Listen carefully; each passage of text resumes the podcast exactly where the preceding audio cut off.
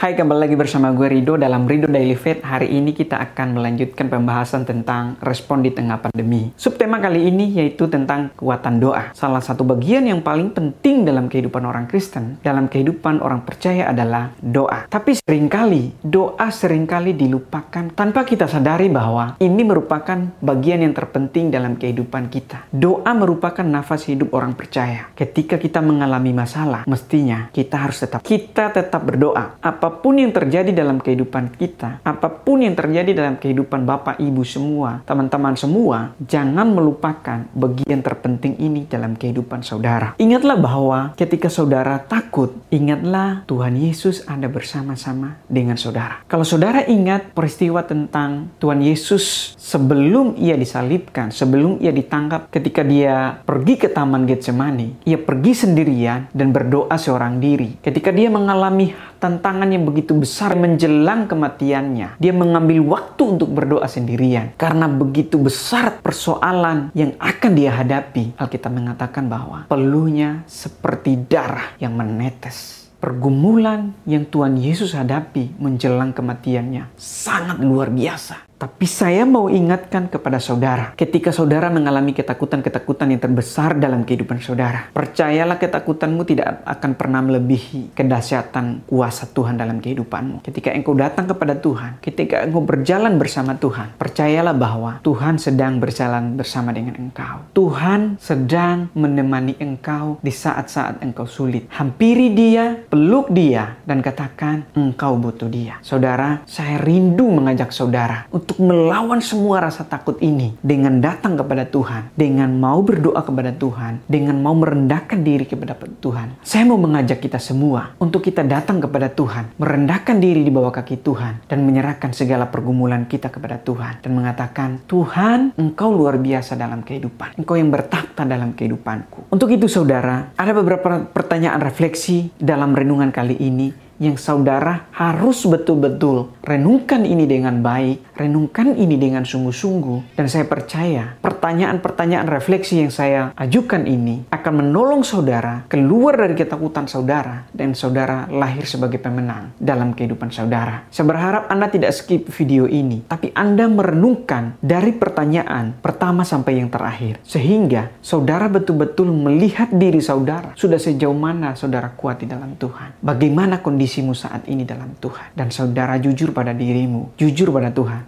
Baik engkau butuh Tuhan. Pertanyaan yang pertama adalah, apa yang saudara sudah lakukan ketika mengalami badai seperti saat ini. Ketika kita mengalami situasi yang tidak enak seperti saat ini. Atau mungkin gejolak ekonomi yang saudara alami. Atau mungkin saudara di PHK. Atau mungkin saudara sakit saat ini. Apa langkah yang sudah saudara lakukan menghadapi hal ini? Apakah saudara menunggu berdoa ketika keadaan sudah agak membaik? Atau saudara memilih untuk berdoa saat ini? Ketika Anda sangat terpuruk, ketika Anda mengalami badai yang luar biasa dalam kehidupan Anda, anda, Anda memutuskan untuk datang kepada Tuhan dan merendahkan diri dan betul-betul datang kepada Tuhan dengan hati yang sungguh merindukan sentuhan tangan Tuhan. Yang kedua adalah setelah merenungkan pertanyaan yang pertama adalah Anda coba bertanya kepada saudara, mengapa terjadi seperti itu? Ketika saudara memilih untuk berdoa, mengapa seperti itu? Ketika saudara memilih untuk tidak berdoa, mengapa demikian? Apa yang terjadi dengan saudara? Saudara renungkan ini dalam hadirat Tuhan. Kalau Anda sudah mendapat, mendapatkan jawabannya, Anda doakan. Dan pertanyaan yang ketiga adalah bagaimana reaksi saudara ketika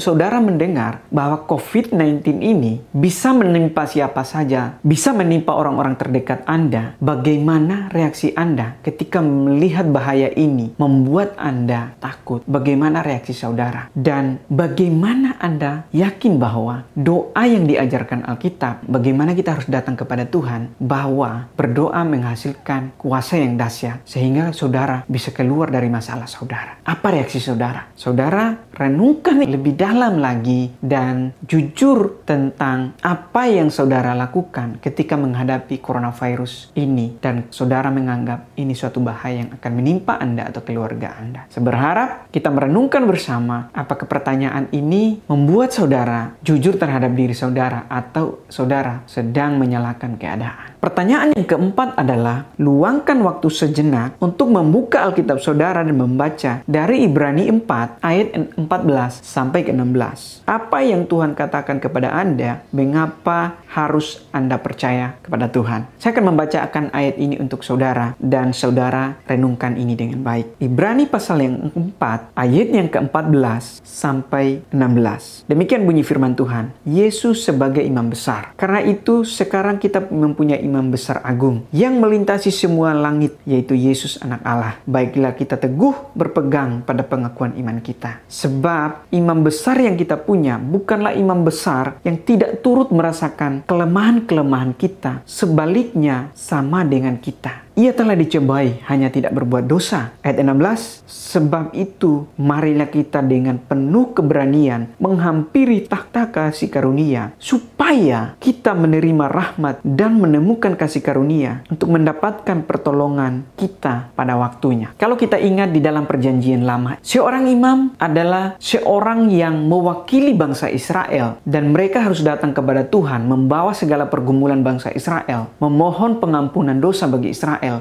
mengadakan penembusan bagi orang Israel, dan imam inilah yang mewakili bangsa Israel untuk datang kepada Tuhan. Tapi imam besar agung Tuhan Yesus adalah imam besar agung yang telah menyerahkan dirinya untuk menebus kita dari dosa dan telah merasakan apa yang kita rasakan, bahkan yang belum pernah kita rasakan, dia sudah pernah merasakan, mewakili kita dan hampirilah dia ke tahta sucinya dan ia akan menolong kita tepat pada waktunya Tuhan. Renungkan renungkanlah firman ini dengan baik, renungkan firman ini lebih sungguh-sungguh, dan apa yang Tuhan katakan kepada saudara ketika saudara membaca ayat itu. Mengapa Anda harus percaya kepada Tuhan? Anda mesti tanya kepada diri saudara, mengapa kamu harus percaya kepada Tuhan? Mengapa kamu harus hidup dan berjalan dalam iman yang teguh kepada Tuhan. Anda harus tanyakan kepada saudara lebih dalam dan saya percaya ketika Anda dengan jujur menanyakan kepada saudara dan saudara menghampiri tata sucinya Tuhan, Tuhan akan menolong saudara karena Alkitab bilang dia adalah imam besar agung yang telah turut merasakan apa yang kita rasakan. Sehingga apa pun yang engkau rasakan saat ini, Tuhan pernah merasakan. Bahkan Tuhan sedang merasakan apa yang engkau alami saat ini. Saya berharap kita datang dengan penuh rendah hati kepada Tuhan. Dan yang kelima kelima adalah, sudahkah saudara menyisikan waktu saudara untuk datang kepada Tuhan, meninggalkan segala beban saudara, melupakan sejenak segala pergumulan yang saudara alami, dan saudara menghampiri Tuhan. Izinkanlah dia untuk tinggal dalam hatimu, biarkan dia bertakhta di dalam hatimu. Dan saya percaya ketika saudara mengizinkan Tuhan untuk menguasai hati dan pikiran saudara, Tuhan pasti akan menolong saudara. Ketika saudara datang dengan rendah hati, mengangkat tangan, dan memohon memohon pertolongan Tuhan, merendahkan hati dan memohon pengampunan, memohon pertolongan Tuhan, saya percaya Tuhan pasti menolong saudara. Tuhan pasti menolong kita dari berbagai kesulitan yang kita alami. Percayalah, kesulitanmu tidak pernah lebih besar dari Tuhan yang melintasi langit dan bumi ini. Bukankah Tuhan begitu dahsyat menolong kita di hari-hari sebelumnya, di tahun-tahun sebelumnya? Bukankah Tuhan yang sama yang akan menolong kita saat ini ketika kita datang menghampiri Dia? Kita datang berdoa kepada Dia. Kita mengingat bagian yang terpenting dalam kehidupan kita sebagai orang percaya, yaitu datang berdoa kepada Tuhan, sungguh-sungguh meminta pertolongan kepada Tuhan dan memohon ampun, memohon pertolongan daripadanya dan kita memohon, kita butuh Tuhan. Terima kasih Bapak yang baik.